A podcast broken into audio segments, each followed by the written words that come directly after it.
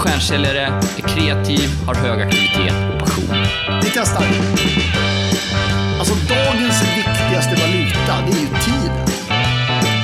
Jag kommer ihåg när jag sprang mellan mötena, det bara rann över ryggen och så när jag kommer in där till tavlan. Och så kom han in till mig och så sa han, det här är inte tillräckligt bra. Jag somnade på bänk. Jag vet inte, jag vet inte vad du var då. Sluta gnäll och säg upp dig. Nu stänger jag av. Varmt välkommen till Stjärnsällarpodden Adam Stigell. Stort tack. Hur är läget? Det är superbra. Eh, Du vet varför du sitter här idag eller? Det är en bra fråga. Du skrämde mig lite innan så jag är lite osäker nu. Nej, du, du, du har ju stuckit ut på många sätt. Vi, vi pratar ju faktiskt mycket om Stjärnsällarpodden att sticka ut.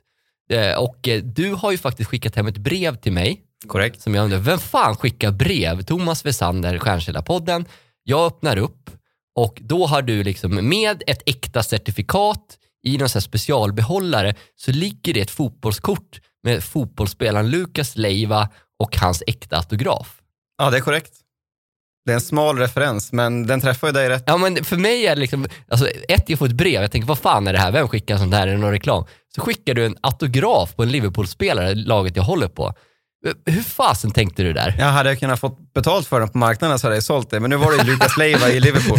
Jag blev jätteglad. Ja, men vi har ju det gemensamt att vi gillar samlarbilder och du är än mer passionerad än, än mig. Så Ja. att, eh, den rätt. Jag tror att den gjorde större nytta hos dig än på skrivbordet hos mig. Ja, men det, det, det uppskattar jag verkligen. Så det, är en- det är en stor anledning till att du sitter här, här idag. Eh, och eh, du är ju partner och eh, säljguru eh, på laget.se från Skellefteå och Jajamensan. idrottsbakgrund. Det vi ska prata om idag är maktbalans. Vad tänker du kring maktbalans och försäljning? Jag tänker att man aldrig pratar om det, vilket är jättekonstigt. Det är en sån där grej som, ja vi kommer att prata om det nu, men om jag gjorde en slagning på Spotify innan och även om du söker på Google, samma sak. Du hittar ju inget content som inte har med typ Putin att göra. Alternativt relationer i hemmet och typ, ja. menade du separera i relation till maktbalans? Så Ja. det är väl det första jag tänker. Ja, och vad menar du med maktbalans? Jag menar relationen mellan eh, vi som är i ett rum, alltså i alla rum, eh, finns det ett tydligt eh, överläge, underläge, vilket är superpåtagligt i många säljrelationer eftersom att man ofta vill sälja till någon som man uppvaktar. Sen finns det såklart på krogen och på andra ställen också, men eh, framförallt tror jag det vi ska prata om, säljar-köpar-relationen. Ja. Det är väldigt påtagligt. Ja, men jätteintressant. Vi, vi har aldrig lagt ett avsnitt på det i Stjärnsällarpoddens historia, även om vi varit inne på det. Alltså vi pratar mycket om att stå upp för sig själv och Mm. eh, men liksom, hur mycket ska man göra och, och hur, hur lite ska man göra. Men innan vi går in på ämnet Aram, så skulle jag vilja prata om vårt första möte. Mycket bra. Berätta om det.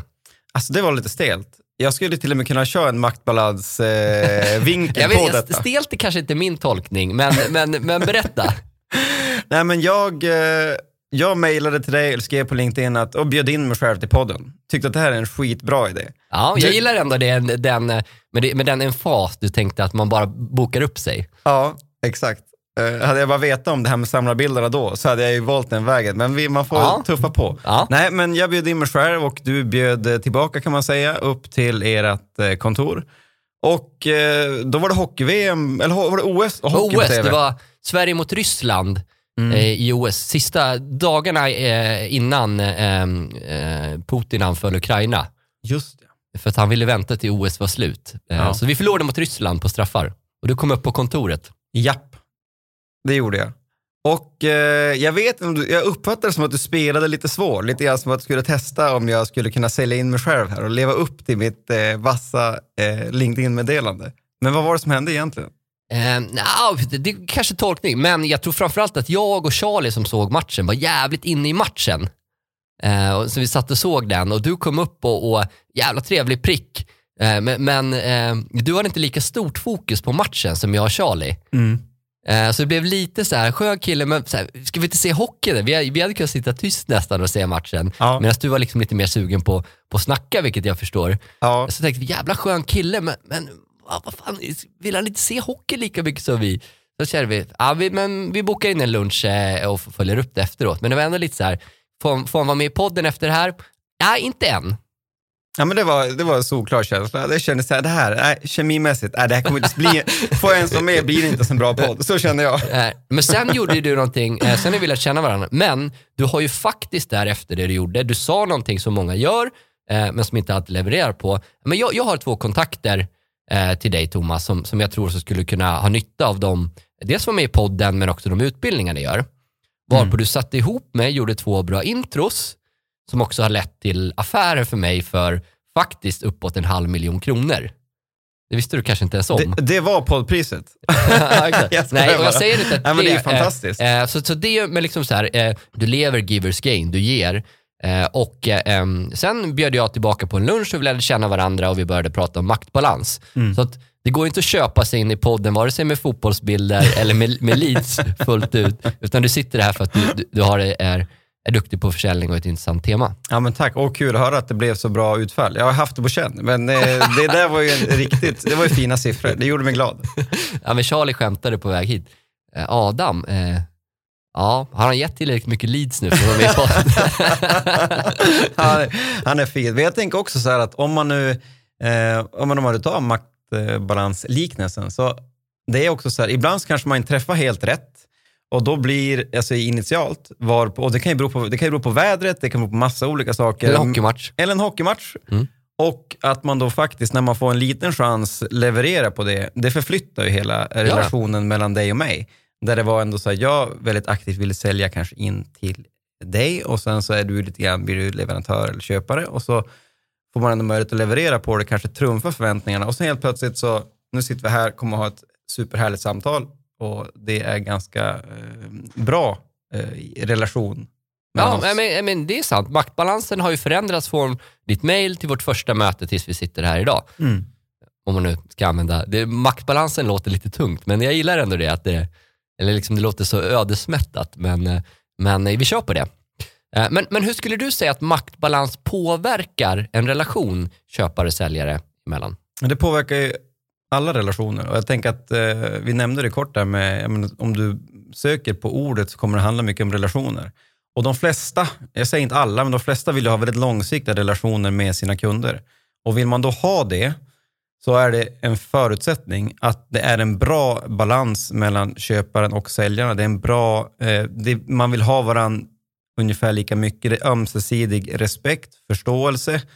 Annars kommer det inte bli långvarigt. Förr eller senare tar det slut, precis som en relation. Men, men hur ska man göra då för att hitta rätt nivå av maktbalans i, i säljande eh, perspektiv? Hur ska man göra? Det där är ju superklurigt och det varierar ju såklart jättemycket. Men jag tänker att om man tar vad man, alltså generellt sett så tenderar man ju att vara lite för lite affärsmässig, skicka lite för få tydliga agender. Kanske i min bransch, vi jag jobbar med medieförsäljning och sponsorförsäljning. Då tenderar man ju att all, varje gång man får en fråga om priset gå ner i pris för att man rör sig i en, vad som i grunden en, var en högmarginalbransch. Det finns en kultur av att man bara sänker, sänker, sänker priset. Men Du har till och med ett, en förkortning, en akronym på det. Ja, ja, ja. Bohika. Det hoppas jag många har hört förut. Jag, jag hade aldrig hört talas om det. Bend over, here it comes again. Ja, det är mörkt. Ja, det, det är för grovt för den här podden så jag börjar hosta. Ja, det är för grovt för mig, men jag förstår innebörden. Ja, Och kanske i synnerhet i, du jobbar ju ändå i mediebranschen delvis, nu vet jag att ni har olika affärsben, men, men ändå i mediebranschen, där min upplevelse är att det har varit kutym Mm. på många sätt, att man har ett pris, de frågar om det går att sänka, man kanske inte ens behöver fråga det och så är man 40% ner. Mm, absolut, och så slutar det ofta på 80-90% ner, vilket är nästan parodiskt när man tittar på ett sånt typ av avtal. Och jag tänker att en grund för att man ska kunna få en balans i relationer är att man, vå- att man har ett förtroende för varandra och kanske till och med våga utmana varandra. Eh, och ju mer man kan utmana, desto bättre. Och snacka om att då inte inge förtroende när man alltid kan putta på priset, eller alltid putta på en deadline till exempel. Man säger att vi måste ha klart det till på måndag. Och sen så går det, är det måndag därefter, därefter, därefter. Och det gör man sig en stor otjänst. Mm. Eh, personligen så involverar det här vändningen på hela min karriär. Telemarketing kunde jag ganska bra och, och, och då, då, då bakom en telefon kunde jag ha maktbalansen på rätt sätt. Men när jag började med business-to-business-försäljning eh, och var liksom 23-årsåldern och kom ut och hade möten med säljdirektörer, då blev jag överkörd första halvåret. Det var, liksom, det var, inget, det var inget tal om vem som bestämde och eh, det var inte jag som höll i mötena och eh, jag gjorde inga affärer. Kan du relatera till det för egen del? Eller, eller hade du en, en, en sund maktbalans direkt när du började med försäljning? Nej, och jag, absolut inte. Och jag drog började med att dra in sponsorer till lilla fotbollsklubben i Skellefteå, vilket var supertufft. Och liksom ringa, första säljjobbet var att ringa till de som köpte annons i matchprogrammet, det fysiska givetvis, i fjol och säga så här, vill du förlänga, vill du köpa igen och så vidare. Så absolut inte. Jag var inte ens varse om det förrän jag gick en utbildning på Handels och då hade vi det här som ett, eh, som ett ganska stort inslag, men då var det inte med försäljningskoppling. Då var det bara för att få en förståelse för relationer och hur det påverkar varandra. För jag är precis som dig, jättestor skillnad när man blir varse om det. Sen ska ju sägas också, eh, ja, man har ju eh, klivit fel Herregud. ett par gånger. Herregud ja.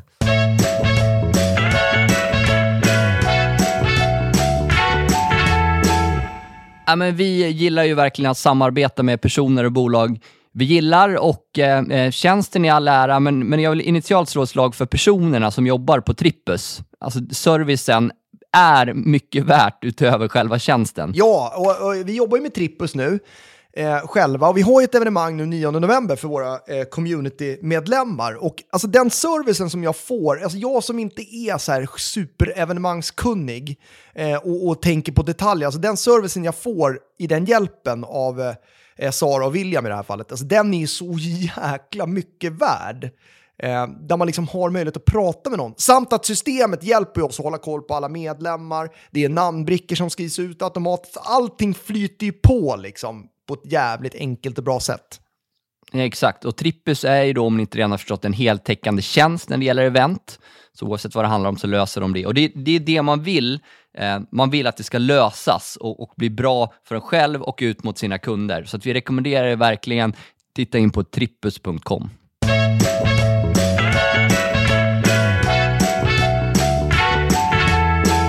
Convendum är ju där vi går varje dag och eh, Convendum är ett coworking space, eh, har eh, en massa olika locations i Stockholm. Senast var jag inne på deras nya på Kungsgatan. Mm. Hur var den? Eh, men jättefräsch, alltså det känns som att lite kliva in i ett rymdskepp på ett positivt sätt. Ja.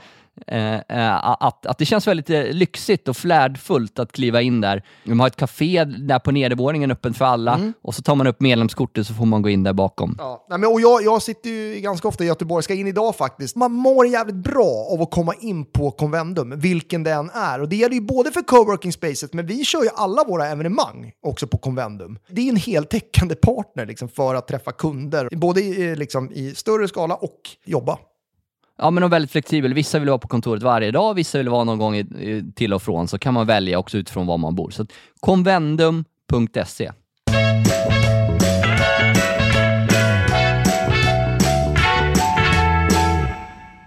Men för egen del så tänker jag utifrån det här från två aspekter. Det ena är det som, sitter i mitt huvud. Eh, och när jag började inse att eh, jag måste bygga upp mig själv. Jag har ju ett alter ego som, som var min vändning där nu, alltså med supertompa. Det är jättetöntigt. Eh, men det finns ganska mycket hybris i det. Jag bygger upp mig själv och jag tror otroligt mycket på mig själv. Försöker vara ödmjuk. Men just det där att tro på sig själv och inte ta skit har varit en stor del av det. Så liksom, det är den ena aspekten av det, att man, att man gör det. Och nej, men så här, ja, men det här är vdn på IBM. Ja, men jag går fram och, och behandlar personen med respekt, men han eller hon är inte värd mer än vad jag är och jag har lika mycket rätt att, att prata i ett möte som han eller hon.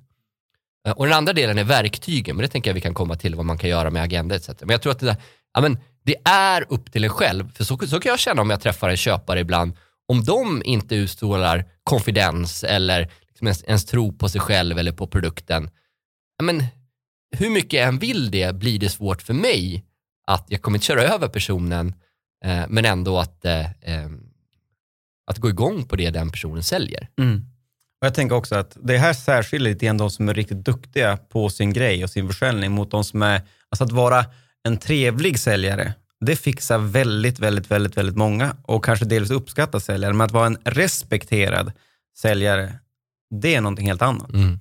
Är du en respekterad säljare då? Ibland. Går definitivt fel. Och man, är, man är människa, gör sitt bästa, är inte alltid på topp, men eh, för det mesta. Nej, men, eh, så här, nej, men, respekterad, men också så här, att har man respekt för sig själv så får man respekt eh, av andra. Det tror jag mycket liksom den delen. Eh, men sen verktygen, speciellt om man inte har pondusen kanske i början av karriären. Jag hade inte det på samma sätt. Eh, men en stor del för mig då var faktiskt, nu är det inte lika inne längre, men att jag hade kostym på mig varje dag. Det hjälpte mig sen mentalt mer än kanske någon annan. Nej, men nu bygger jag upp mig själv. Agendan, otroligt viktigt. Och så när folk började, liksom i början av möten började säga att, men, vänta, eller bara kör på. Så, nej, men, eh, jag skickade ju faktiskt en agenda på förhand. Låt oss hålla oss till den. Man måste ta tag i det direkt i en relation för att folk kommer att testa en. Det där sker ju hela tiden och det där sker både subtilt och liksom mindre subtilt, Ja. de där små testerna.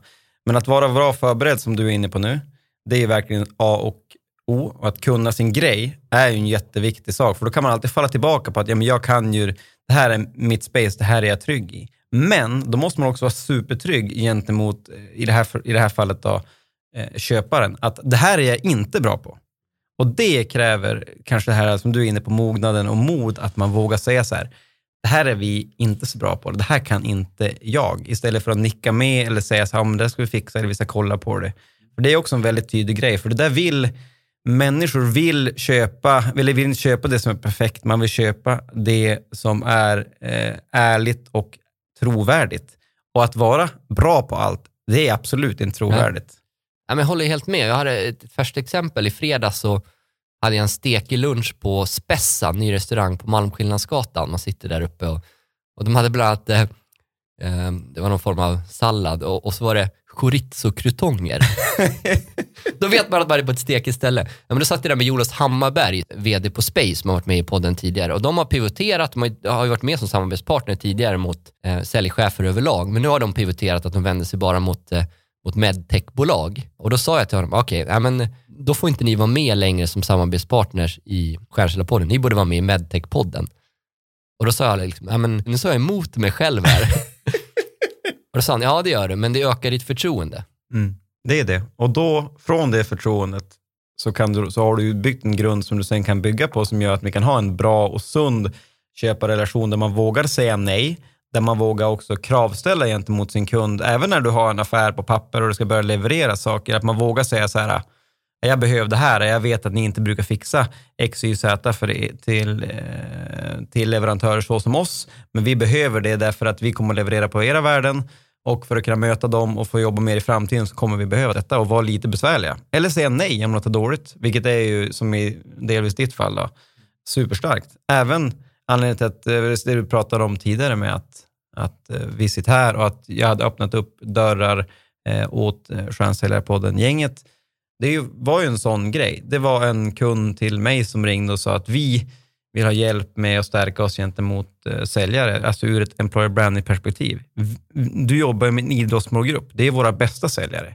Vi måste kunna jobba ihop. Och jag sa, jo, visst, vi kan göra vissa grejer som är bra, men jag tror att du har bättre lycka här borta. Sen hamnar vi hos er. Ja, men, och det bygger ditt förtroende hos mig då såklart, men också hos eh, kommunen i fråga som det handlade om.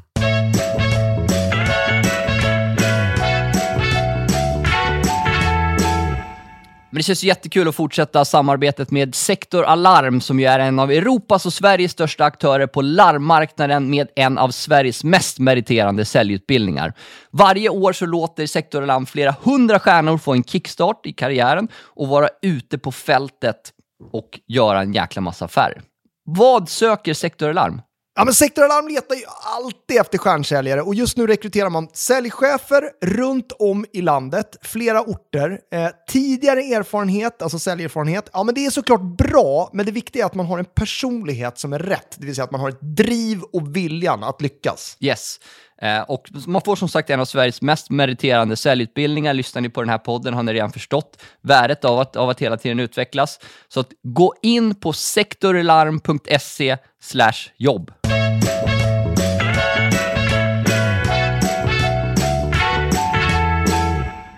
Rabatter, hur, hur tänker du kring det om en kund frågar när de har fått offert, jag vill ha rabatt. Tror du du har fått ett dåligt pris? Jag vill ha ett bättre. Nej, men man kan ha lite det resonemanget, för om man kan gå till sig själv. Vill du, om vi leker med tanken att man kan göra en liten justering, det kan ju vara fine, men det är också en trade-off man får göra i sådana fall. Har du fått ett pris och du vill vara uppfattad som den här seriösa leverantören, då, för då, tycker inte jag, då tycker jag att det är helt fel att rygga mycket på det. Då gör man det med någon form av trade-off i sådana fall. Att okej, vill du gå ner i pris för den här produkten, då kanske vi behöver lite mera tid att leverera, eller vi kanske inte kan leverera den exakt när du vill. Så att det här med att man bara, jag tycker det är så lätt bli oseriöst att bara eh, rucka på priset. Då ska man alltid, tycker jag, ha någonting tillbaka som också inte bara är någon så här pappersprodukt, utan det ska ju vara någonting som är genuint. Men tid är en sån grej som man kan labba på. Man förklarar sig att ja, eh, ska vi, ska vi skjuta, ska vi, vill ni ha ett lägre pris så kanske vi får skjuta på uppdraget gentemot er lite grann. Och sen så mot det får du det lägre priset du vill ha. Är det värt det?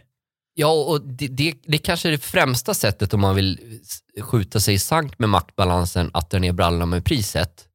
Och framförallt om man har för avsikt att bygga en lång kundrelation, om man väl öppnar upp den dörren, om man, om, om, om man själv vet att här, bara jag ställer frågan, jag är asjobbig när jag förhandlar räntan. Eh, för, att, för att jag har fått ett bud och så säger ehm, jag, ja men eh, kan du göra någonting på räntan?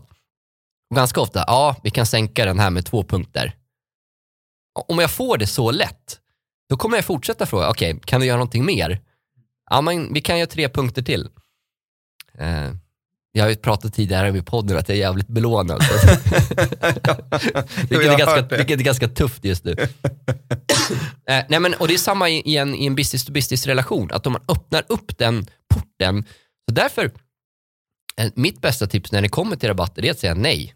Alltså så länge man kan eh, och återkoppla till värdena och liksom, ja, men, kanske om de verkligen står på sig tredje, fjärde gången att man kan göra någonting, men att man då, precis som du är inne på, man förklarar varför man får rabatt. Okej, men- men, men vi kan göra så här, det är första gången du köper av oss. Vi kan göra en introduktionsrabatt, men det är här för första gången. Alternativt, vi har en mängd rabatt enligt en rabattstege som ser ut så här och så här. Eh, men så att det inte blir det där att man känner själv som köpare att beroende på hur jobbig eller mycket jag ligger på så får jag mer rabatt. Det tycker inte jag är en skön känsla som köpare. Eh, för då känner man sig lite blåst, hur de satt priser från början liksom. Som köpare så vill man ju hellre köpa det som är så att säga Eh, hellre än rea vill du ha begränsad upplaga till exempel. Du vill ju veta att det är det starkaste du kan få. Det är att veta att jag fick den här eh, bilen och nu, de som köper nu måste vänta ett år leveranstid. Eller jag fick det. det. Sen kanske det kommer att förändras lite grann med konjunkturen nu. Att det blir lite mera prisfokus än vad det har varit tidigare. Men som köpare så du vill ju mycket hellre ha det som är limiterat. Vi var inne på samlarbilder till exempel. Så här, det är en sån grej till exempel. Det är limiterat. Det är samma sak med NFTs. Det är limiterat. Dit går ju alla strömningar och, sam- och framförallt det ni säljer, vi säljer, många säljer är ju sin tid. In, absolut inte obegränsad. Så där har man ju också, jag tänker som man, om man leder ett team, har man också en, ett ansvar att inte ge ett obegränsat, alltså det ska inte heller vara ett obegränsat utbud. För det sätter säljaren i en riktigt dålig sits när man alltid står med den pressen på sig. Eller en budget som är på, säga, säg att du har månads eller veckobudgetar som de är liksom, det är det viktigaste av allt, att sätta månadsbudgeten. Ja, men då kanske du också skapa ett beteende där du vill ha snabba avslut och det där känner man, för det där känner man i en, plockar man bara lite social skillad så känner man ju att nej, men nu vill du jättegärna ha stängning och de här orsakerna till att du vill ha stängning snabbt är inte helt logiska eller helt rimliga utan, och då blir det också Mm. en skev balans mellan köpare och säljare. Hur tänker du kring det då? Att vara på eller för på kopplat till maktbalans? Mm, det där är skitsvårt tycker jag. Men det är också en grej som man måste, dels måste man ju prova, men sen måste man vara helt ärlig också. Alltså det går inte heller, eller så här, det är ohållbart att hålla på att låtsas att eh, vi är typ slutsålda med våra tjänster och spelar lite svår. Det där känner köparen, de känner att man inte är ärlig, inte helt transparent och då blir det så här, även om du inte vet exakt var säljaren var oärlig så kommer du veta att någonstans skaver det och du kommer känna det i kroppen. Någonting skaver här, det känns inte helt rätt. Och den lilla osäkerheten bygger inte eh, förtroende. Så jag tycker att man ska säkerställa att man har goda skäl. Och det kommer, alltså du, du kan inte liksom hoppa över den eller spela teater. Det är så himla ohållbart, för där känner folk mycket bättre. Många säljare tror ju att ja, men nu har jag spelat kunden här. Liksom, eller så där. Och att man har den attityden, den är ju livsfarlig tror jag. Mm. Ja, men jag håller med och jag tror mycket så här, jag får ju ofta höra, speciellt med mina kollegor, så här, att, att jag är på, eller av kunder, alltså jag är väldigt på. Det, är, det är liksom, eh, har alltid varit en del av min, min resa.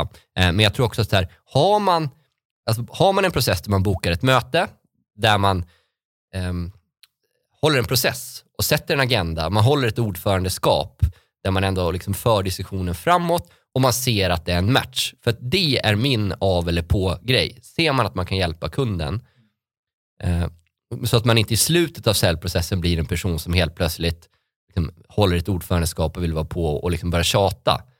Eh, men ser jag att det är en match, då förväntar jag mig att få ett svar.